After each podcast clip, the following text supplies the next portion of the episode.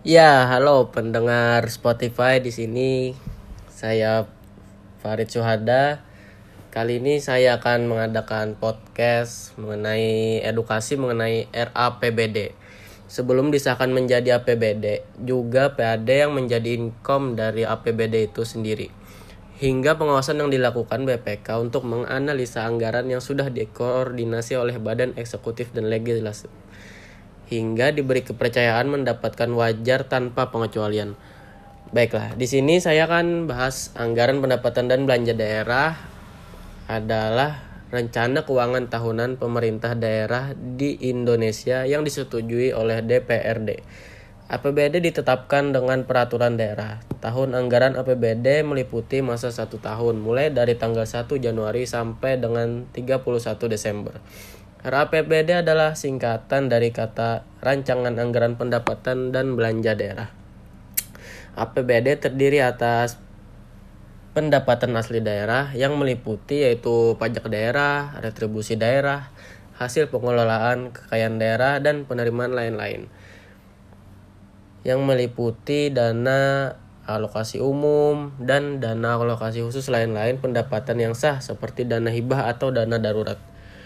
Fungsi anggaran pendapatan dan belanja daerah adalah salah satunya fungsi otorisasi bermakna bahwa anggaran daerah menjadi dasar untuk merealisasi pendapatan dan belanja pada tahun bersangkutan.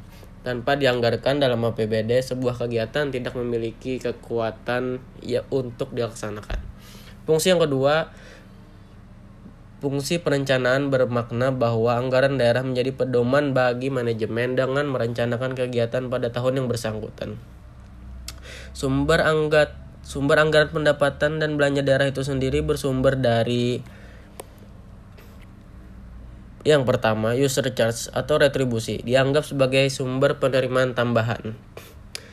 Yang kedua, yaitu retribusi perizinan tertentu seperti penerbitan surat izin, misalnya pernikahan, bisnis, atau kendaraan bermotor.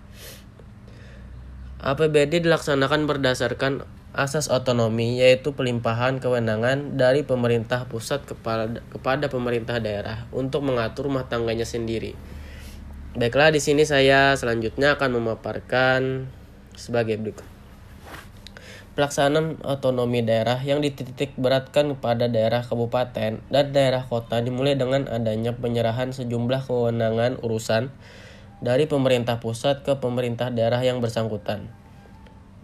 Penyerahan berbagai kewenangan dalam rangka desentralisasi ini tentunya harus disertai dengan penyerahan dan pengalihan pembiayaan. Sumber pembiayaan yang paling penting adalah sumber pembiayaan yang dikenal dengan istilah PAD atau pendapatan asli daerah di mana komponen utamanya adalah penerimaan yang berasal dari komponen pajak daerah atau retribusi daerah. Selanjutnya, dari pelaksanaan APBD, beberapa daerah mendapatkan wajar tanpa pengecualian terhadap anggaran yang telah dirancang dari badan eksekutif dan juga legislatif. Nah, baiklah, saya di sini akan mengulasnya, Bro fenomena hasil monitoring dan evaluasi atas pengelolaan keuangan yang tercemin dalam pelaksanaan APBD menjadi salah satu tolak ukur kinerja dalam pengelolaan keuangan daerah. Evaluasi tahunan yang berbentuk audit menghasilkan opini menghasilkan opini penilaian tersebut mendapat respon beragam dari berbagai pihak, terutama pemerintah daerah yang tampaknya tidak senang dengan opini tidak memberikan pendapat disclaimer. Sesuai Undang-Undang Nomor 15 Tahun tahun 2004 bahwa ada empat kriteria opini penilaian, yaitu wajar tanpa pengecualian, wajar dengan pengecualian, tidak memberikan pendapat, dan tidak wajar. Sejalan apa yang disampaikan oleh Ketua BPK RI Anwar Nasution tahun 2009 bahwa transparansi dan akuntabilitas keuangan negara harus diwujudkan dalam lima tahapan pengelolaan dan pertanggungjawaban keuangan negara. Kelima tahapan itu adalah pertama, perencanaan dan penganggaran. Kedua, pelaksanaan anggaran. Ketiga, akuntansi. Keempat, pengawasan internal. Dan kelima, pemeriksaan oleh auditor eksternal yang independen proses menuju pengelolaan keuangan negara yang lebih baik tampaknya mendapat banyak tantangan. Namun demikian para pendengar Spotify, upaya perubahan terus dilakukan seperti sistem pembukuan keuangan negara telah mulai beralih dari sistem pembukuan satu sisi single entry menjadi sistem pembukuan yang menggunakan dua sisi yang berpasangan double entry.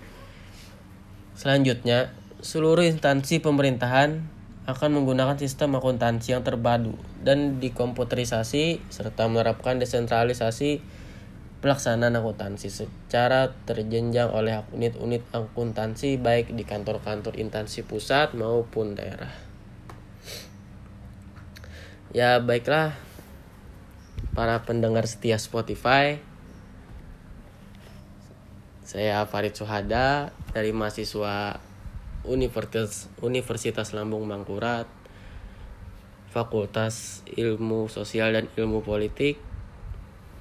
Demikian yang bisa saya bagikan info di podcast yang singkat ini. Semoga bisa dipahami dan semoga bermanfaat. Assalamualaikum warahmatullahi wabarakatuh